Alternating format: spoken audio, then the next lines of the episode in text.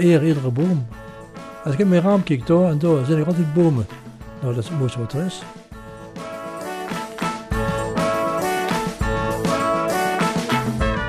Daar leer van, van jeugd leer ik. Van ouderen leren van niks.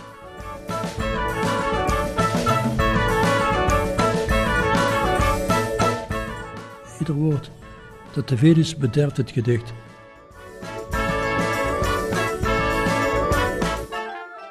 Ik heb ook een boodschap. Ik leef in een, eh, in een wereld van ruisende bomen.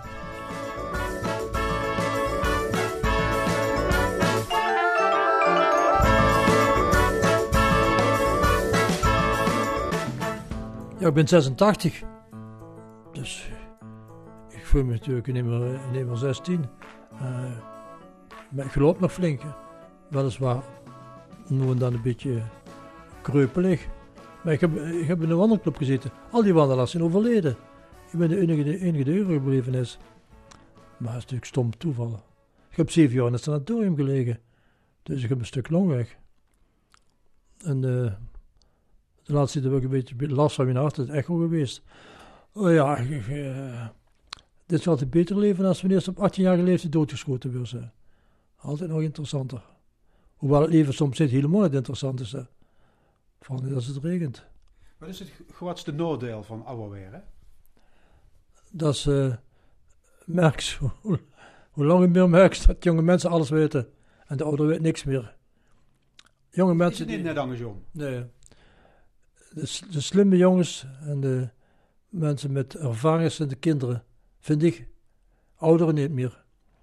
Ja, gezegd, de ouderen hebben de ervaring. Maar ja, die ervaring is is, is versleten, die ouderwets, die, die telt nauwelijks meer nog. Maar de, de jeugd uh, staat met beide voeten in, in, in het vandaag. Hè. En die, uh, die kennen alle middelen om zich te laten gelden. Nou, ik vind de jeugd, uh, daar leer ik van, van jeugd leer ik. Van ouderen leren van niks. Mensen, mensen kunnen misschien eens leren van mijn gedichten, maar niet van mijzelf.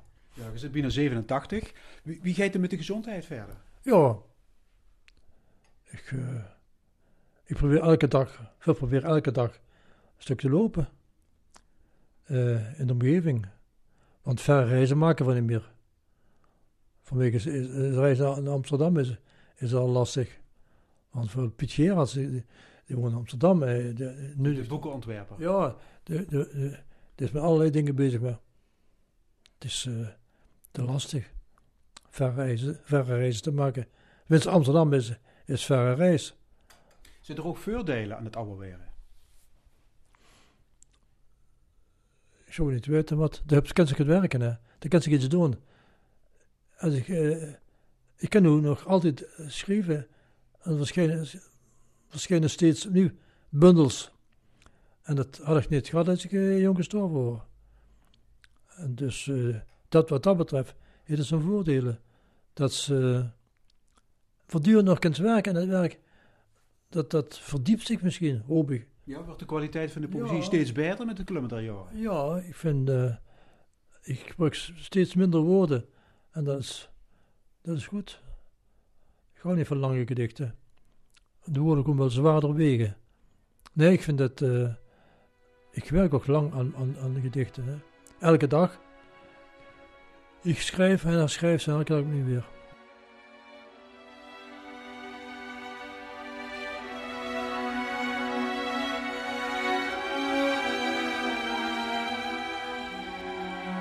Herbergs is wel eens de schuwste dichter van Nederland genoemd. Maar niets is minder waar. Als ik hem bel voor een interview, stemt hij onmiddellijk toe. Met zijn vrouw Sis woont hij in Heerlen, zijn geboortestad. Op een buitenmuur van hun huis is een spreuk van de Romeinse filosoof Seneca geschilderd. Uit elk hoekje kunnen we omhoog springen naar de hemel. Het eerste interview vindt plaats op 30 maart in de woonkamer. Eén wand gevuld met boeken, de andere met schilderkunst. Ik vraag naar zijn dagindeling. Hoe laat staat hij s morgens op? Acht uur gemiddeld. Hè, acht uur. Ja. En dan uh, gewoon eerst de puzzel, puzzel van de krant oplossen.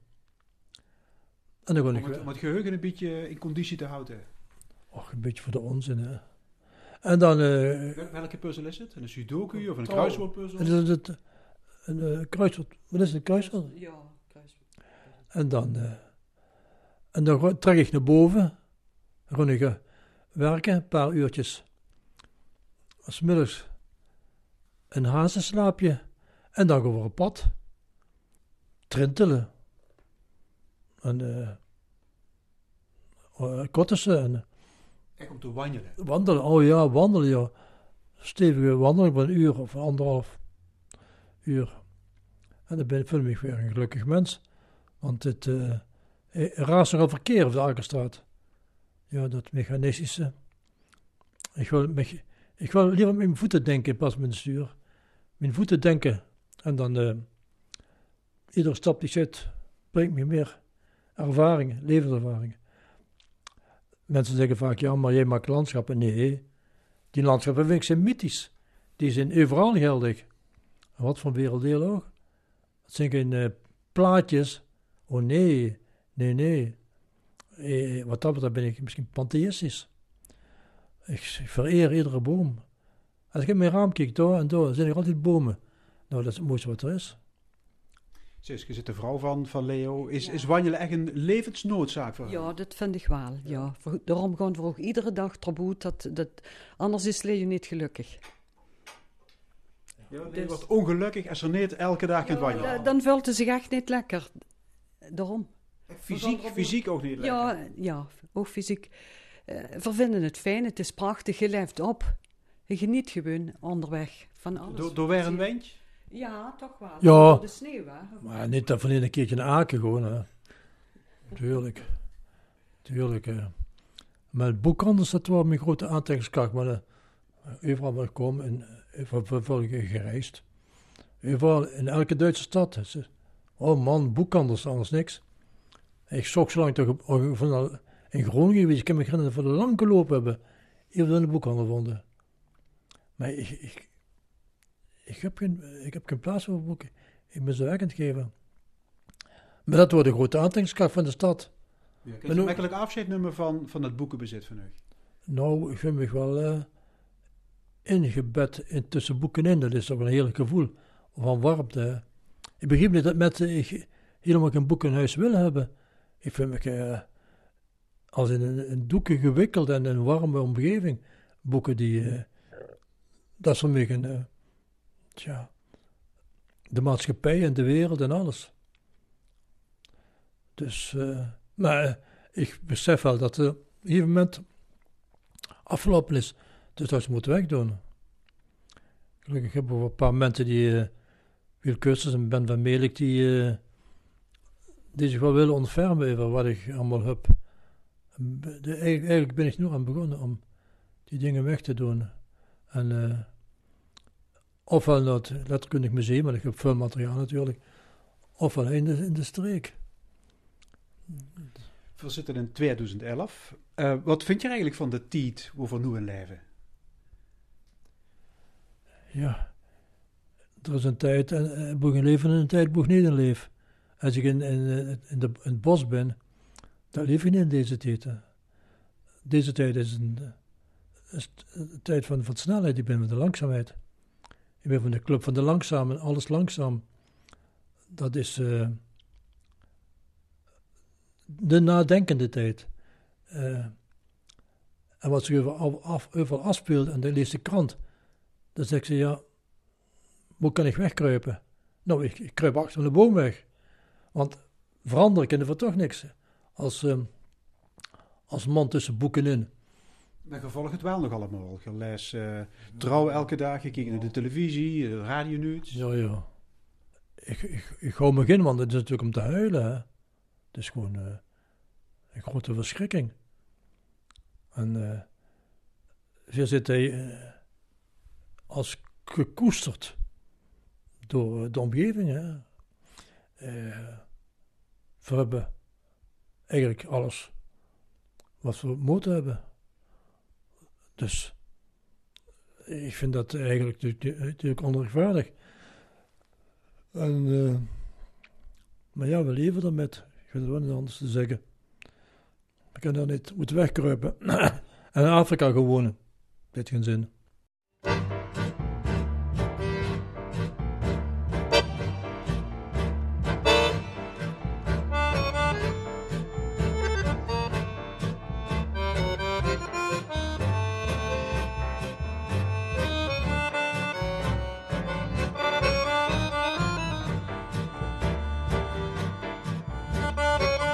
Uh, je bent geboren in 1924 in, in Heerlen.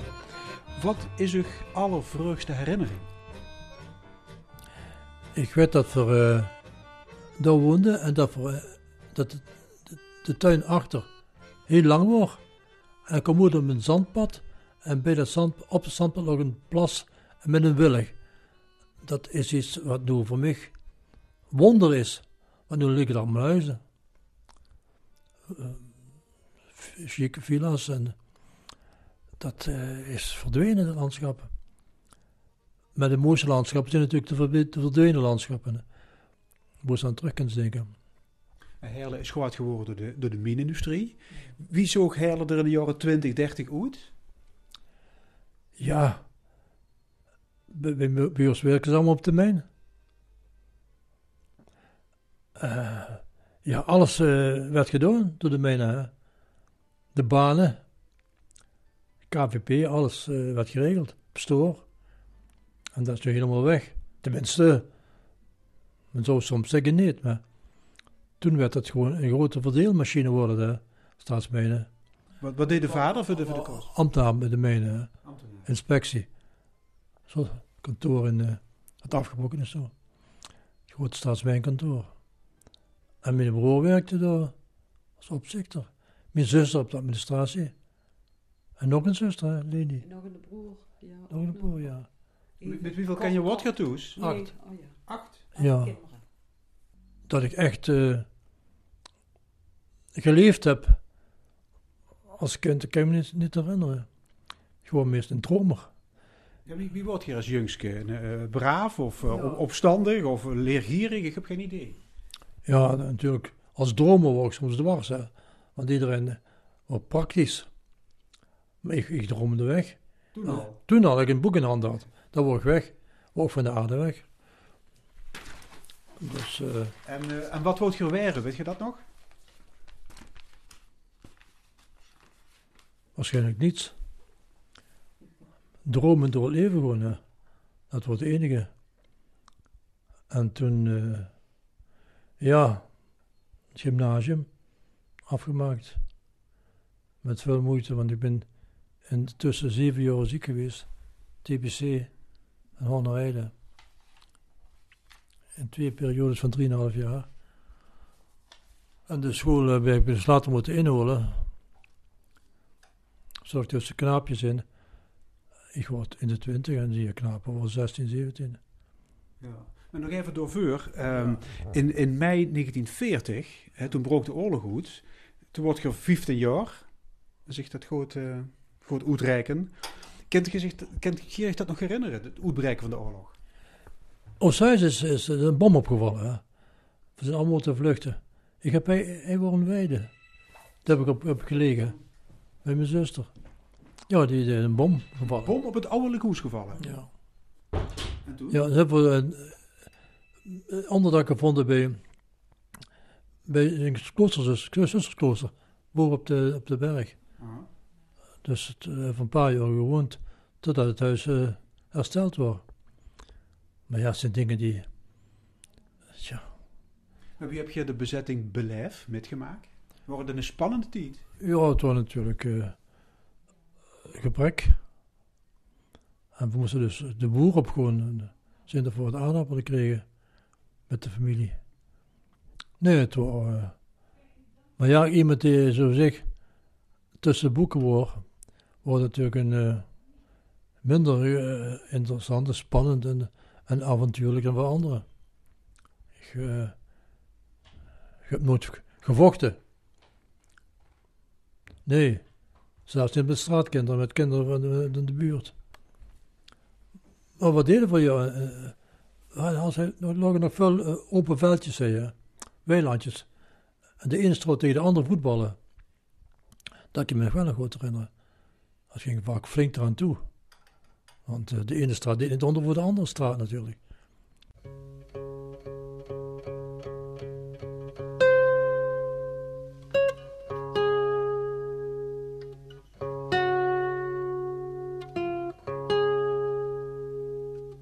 Als kind had ik de oude helderheid van het gras. Ik betrad heilzame paden, groef halmen op en proefde van de onverbiddelijke grond. Waar vandaan haal ik het kind terug?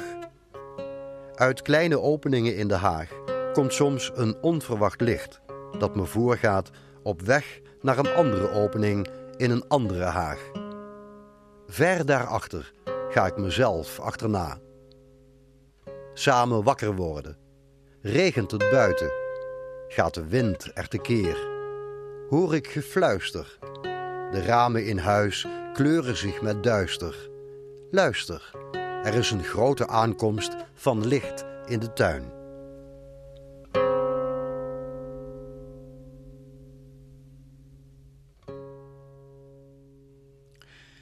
In de oorlog krijgt Herbergs een kantoorbaan.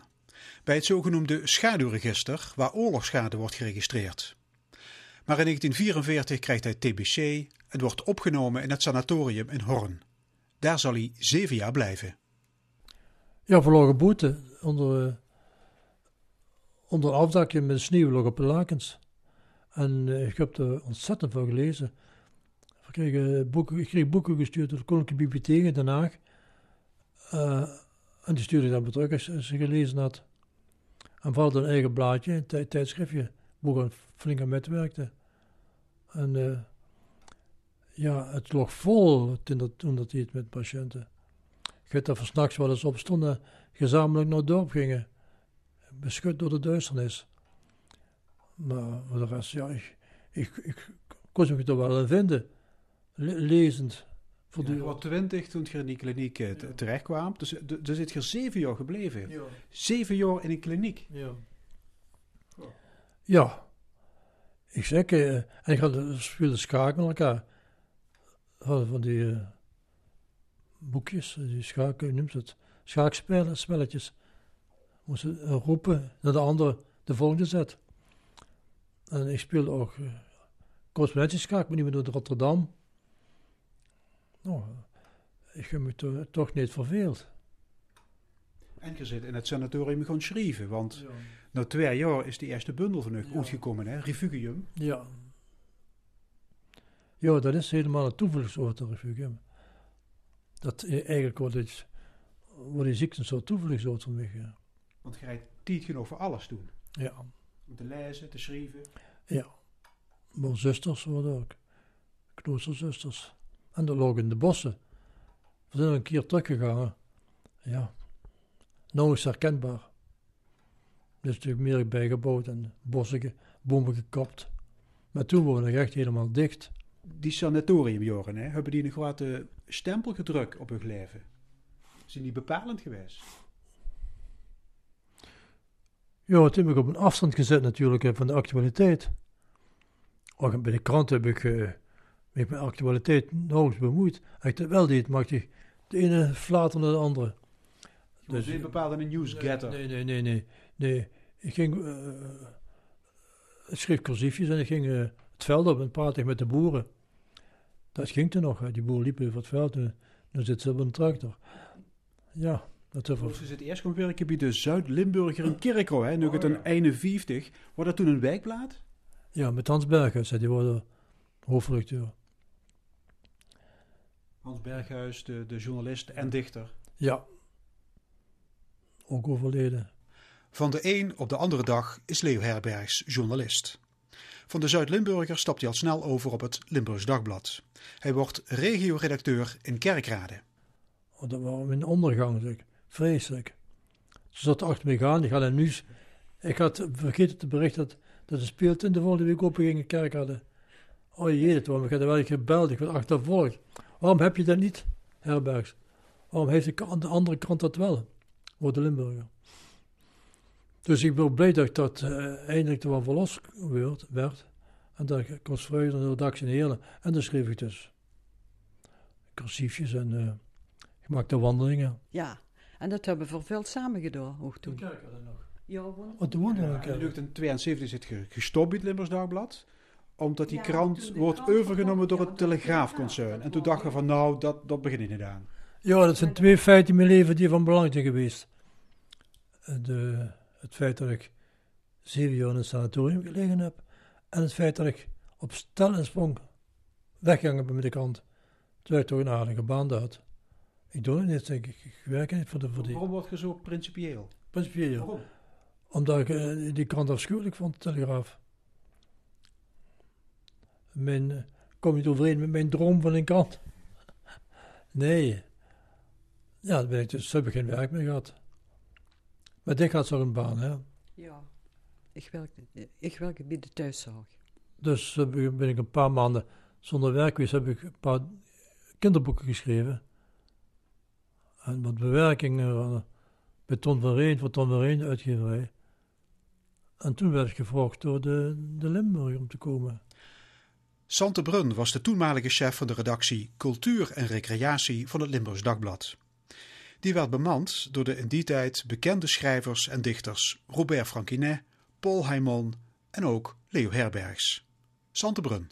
In de tijd dat ik ehm, de, de scepter zwaaide in de- deze omgeving, eh, had hij een dagelijks rubriekje in de, op pagina 2 in de krant.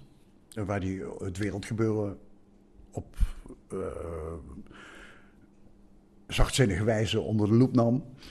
Dus En- hij kreeg een vrije rol. Hij, hij kon doen wat hij goed in was. Het maken van columns, korte Ja. stukjes, Ja. beschouwingen, dat soort dingen. Ja, want als verslaggever, ja, ik heb hem nooit als verslaggever actief gezien eigenlijk.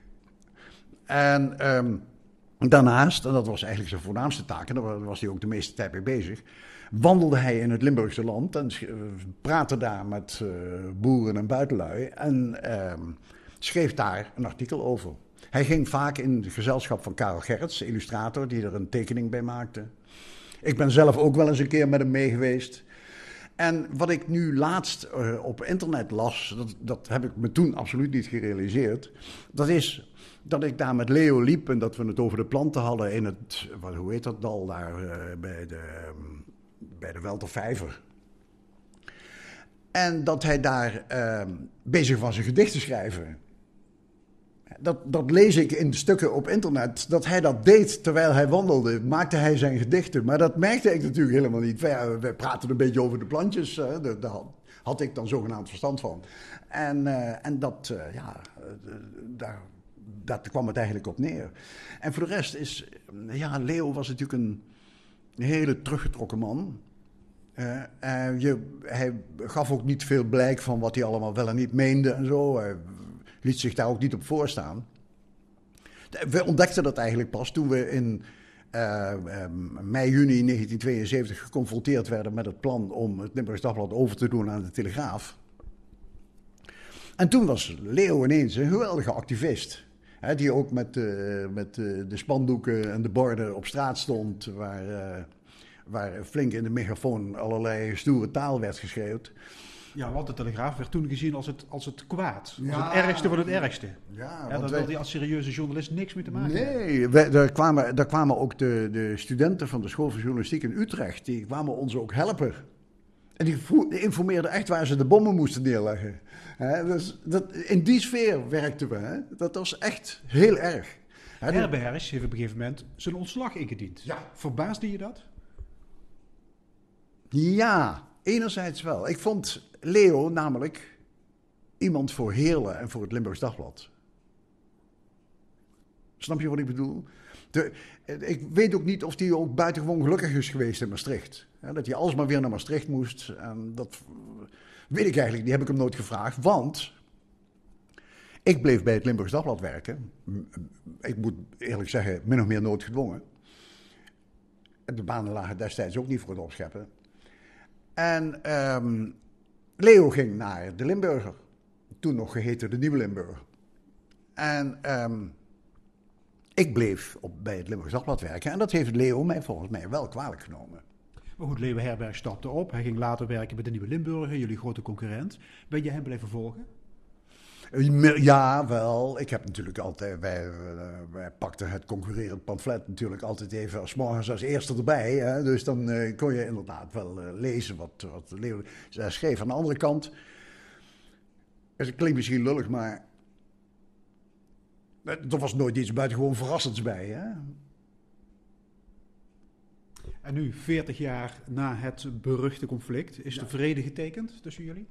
Nou, ik, ja, ik kom hem ook maar zelden tegen, moet ik zeggen. Ik, een heel enkele keer een heel op straat.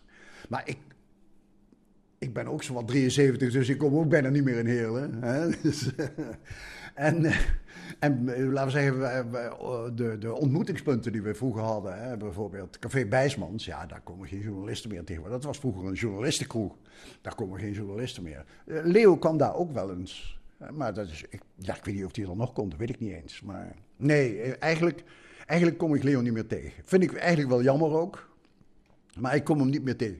Ik heb de afgelopen weken uh, heb ik, de, uh, naar aanleiding van jouw vraag, heb ik me daar een beetje in verdiept ook nog. En nu merk ik pas hoezeer 40 jaar geleden 40 jaar geleden is.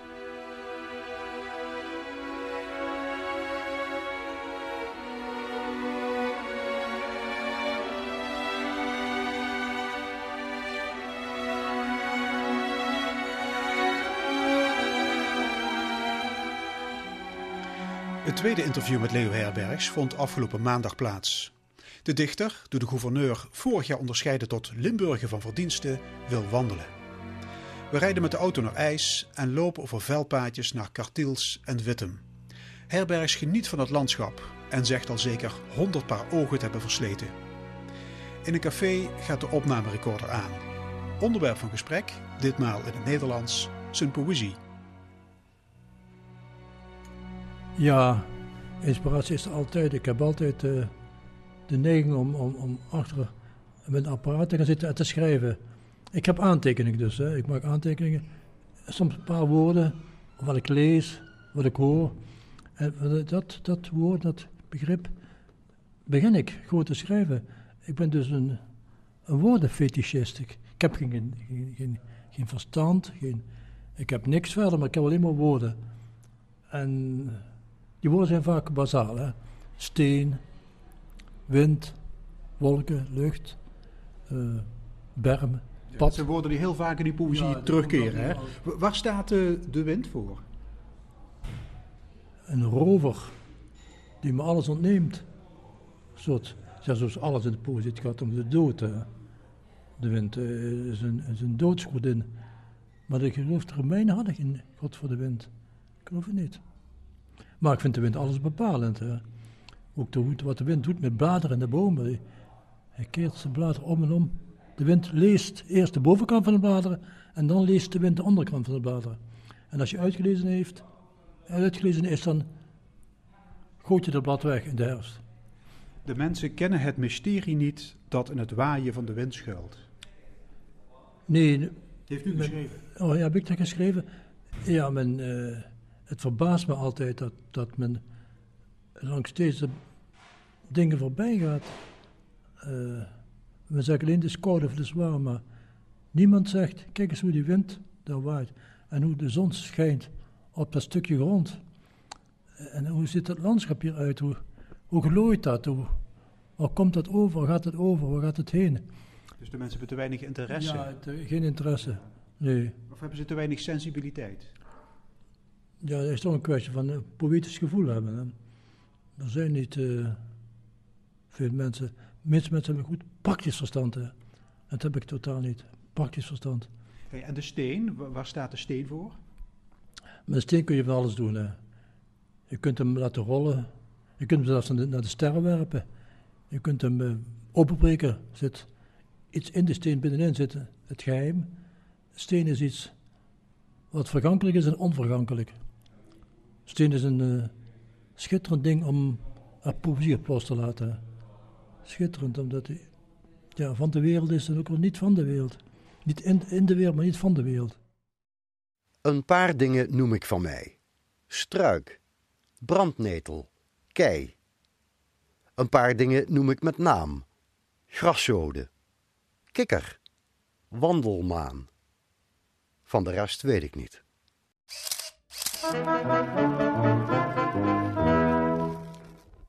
Het woord is aan Leo Herbergs. Het wordt tijd dat in ons land een poëziekrant verschijnt. Met elke morgen al het nieuws, om bij de tijd te blijven. Dat zou pas een krant worden. Lees die krant. Helaas, de andere poëzie leidt intussen in vergeten bestaan. Ze strompelt maar wat achter de actualiteit aan. Achter het feit en achter het uur. Ze is belachelijk ouderwets. Dichters zijn anonieme mensen. Ze verdedigen een anonieme waarheid en gebruiken anonieme woorden. Al wat zij zeggen is dat het leven een vreemde, duistere zaak is, dat het een mysterie is, waar ze zich slechts zuchtend, vol verbijstering of met tranen van vreugde in de ogen over uit kunnen laten. De dichter schrijft geen verzen, hij schrijft ze af. Hij schrijft ze af van de sprekende mond, van het rimpelende oppervlak van het water, van de waaiende takken van de boom. In duister bedoelen schuilt achter de woorden die we dagelijks gebruiken. Ontdaan van het zand van de tijd gaan zij plotseling geheime mededelingen doen. In gedicht is het enige ding dat nimmer actueel is en wiens stem nimmer verslijt.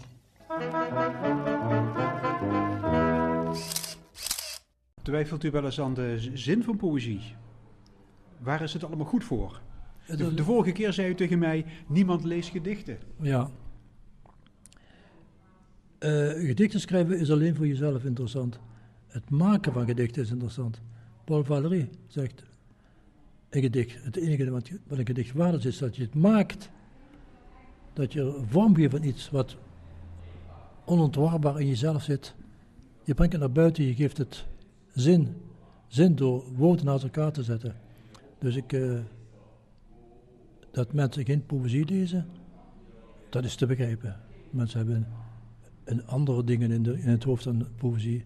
Uh, hebben meestal nog geen proza in hun hoofd, dus moet ik spreken van poëzie. Maar kunt u mij vertellen waartoe poëzie allemaal in staat is? Ja, ik, ik, ik ken niets, niets beters op de wereld dan poëzie. Uh, het opent geheime deuren naar, naar achterliggende raadsels. Uh, het is maar dat je geloof hecht aan, aan woordverbindingen en aan, aan rijmen en, en aan zinnen die ergens naartoe lopen. Poëzie maakt, maakt de mensen hier gevoelig voor is. Natuurlijk gelukkig en ongelukkig tegelijkertijd, want het, poëzie zinspeelt op iets wat niet van deze wereld is, niet van deze aarde is. En, en tegelijkertijd ontlokt het iets aan de aarde wat, wat onkenbaar is eigenlijk voor de mensen. En dat maakt het, taalt het naar boven. En het is iets zeer eigenaardigs met poëzie, maar er is altijd poëzie geschreven. Grieken, Romeinen en Egyptenaren, Chinezen. Altijd zijn er gedichten geschreven. Waarom weet ik niet. Het schijnt dat er faculteit is in de mens die daarom vraagt dat iets op schrift gesteld wordt wat anders onkenbaar zou blijven. Wat opvalt is dat uw gedichten met de jaren steeds korter en steeds soberder worden. Ja. ja daar staat geen woord te veel in. Nee. Ik heb inderdaad maar een paar woorden en ieder woord dat te veel is bederft het gedicht. Schrappen is een belangrijk onderdeel oh, van uw schrijfproces. Ik schrap voortdurend en zelfs als ze klaar zijn en ik zie ze laten denk ik, dat, dat, dat, niet, dat moet had, niet daar moeten staan. Dat is overbodig. Dat, dat, dat zegt niets, niets extra's nog. Dus ik moet karig zijn met woorden. En uh, die woorden moeten gewikt en gewogen zijn. Ze moeten ook op een gegeven moment van diep, diep uitklinken. Er komen ook geen, geen mensen voor in uw uh, gedichten? Nee. nee. ik ben geen mensendichter. Wel een ik... mensenvriend? Ja, zeker. Ja, anders zou je niet kunnen leven. Hè. Nee. Maar uh, veel van mijn kennissen, nou, ik weet het niet eens dat ik, dat ik gedichten schrijf. Is me goed ook. Vallen ze me ook niet lastig mee. Iemand schreef ooit, hoewel Leo veel weet en veel heeft meegemaakt, is hij een zonnig mens. Klopt dat? Ja. Uh, ja, wat ben ik eigenlijk? Weet ik hem wel ik zelf was. Maar ik, eh, zonnig, ja. Ik zit liever toch in de schaduw als ik loop. Wat dat betreft ben ik niet zo zonnig. Maar eh, ja, bent, ik- u, bent u vatbaar voor melancholie? nee, een soort eh, vage weemoed, wel, dat heb ik wel, ja. Dat heb ik zeer, zeer zeker. Maar eh, ik, eh, ja, men, men kent zichzelf nauwelijks. hè. Ik weet tenminste niet hoe- wie ik ben en wat ik ben. Of ik wel mezelf ben, dat weet ik zelfs niet eens. Misschien zit een andere mee, ik weet het niet.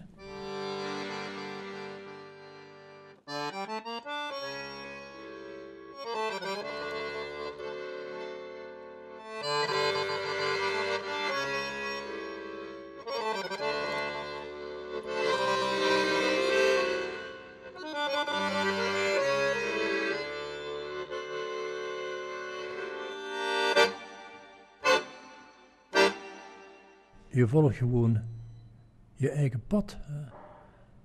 Vooral het pad, dat is mij, mij- dat is iets wat ik eh, buiten alles eh, bewonder en betreed. En waar het uitkomt, waar het begint, hoe de bermen zijn. Je eigen pad volgen, letterlijk en figuurlijk. Ja. Het pad is voor mij een, eh, een levensvraag. Hoe loopt het pad en waarom loopt het hier? En waar gaat het naartoe? Waar komt het uit? Paden zijn voor mij eh, buitengewoon. U zei tegen mij, ik lees de laatste tijd heel veel biografieën. En dan niet de eerste bladzijde, maar vooral de laatste bladzijde. Ja. U wilt weten hoe het met die Ja. auteurs eh, is afgelopen. Ja. Omdat ik zelf in dat stadium verkeerde en ik denk, wanneer gaat het beginnen? Geboorte en, en, en huwelijk en, enzovoort. Het, het leven, ja, dat heb ik allemaal achter de rug. Maar eh, nu eh, ben ik aan mijn laatste jaren bezig. En nu denk ik, hoe hebben andere mensen dat gedaan en overleefd? Eh, wat voor problemen hadden ze? Ja, hoe kan je met ouderdom om? Job Dome, die filosoof, heeft daar een boek geschreven over de ouderdom. Ik lees het niet, want ik, ik, ik probeer er zelf achter te komen. Want ieder ziet dat op zijn manier natuurlijk. Hè. Maar die biografieën van die overleden mensen, biedt dat enige troost? Ja, nieuwsgierigheid, hè. Dan denk ik, ja, hoe gaat dan zoiets? Maar er bestaat toch geen handleiding hoe je, hoe je, dat, hoe je dat moet doen? Nee. Was er dat maar. Ja, Frans Waverschmidt, Piet, Piet Paatjes, die pleegde zelfmoord. Ja, dat moet je het ook niet doen. Hè. Maar goed, ik kan me dat voorstellen dat je dat geneigd bent te doen als, er, eh, als je diep ongelukkig bent en geen uitweg meer ziet. Dan is dat een goede daad.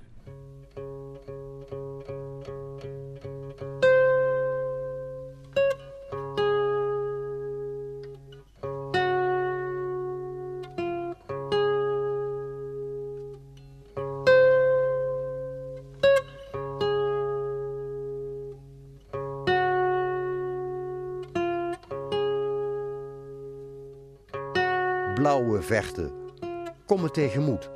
Laat me in jou verdwijnen. Hoe graag zou ik weg willen gaan naar je blauw, waarachter andere eindeloze blauwe vechten zijn en paden die nooit eindigen.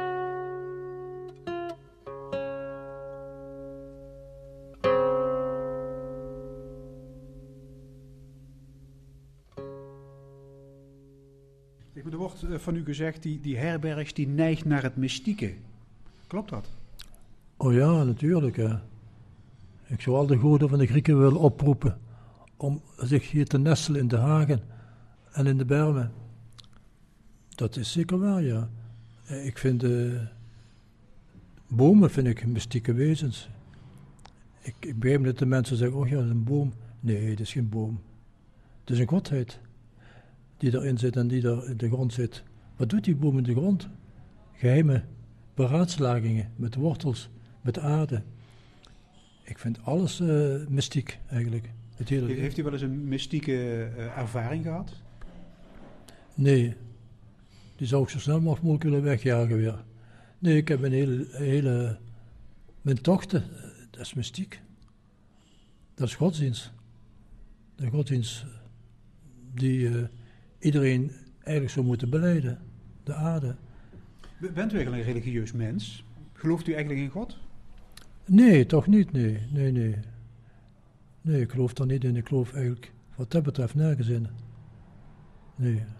Nog in God, nog in duivel of hel. Of Herbergs is een heiden. Ja, ja, dat zegt me wel iets van mij.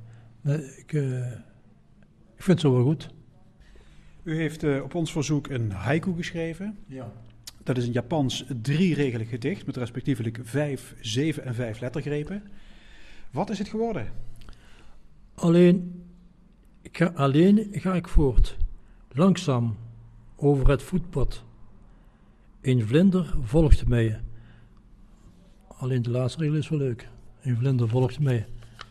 Want eh, dat zijn zo van die raadselachtige dingen, dat een vlinder je volgt. Hè.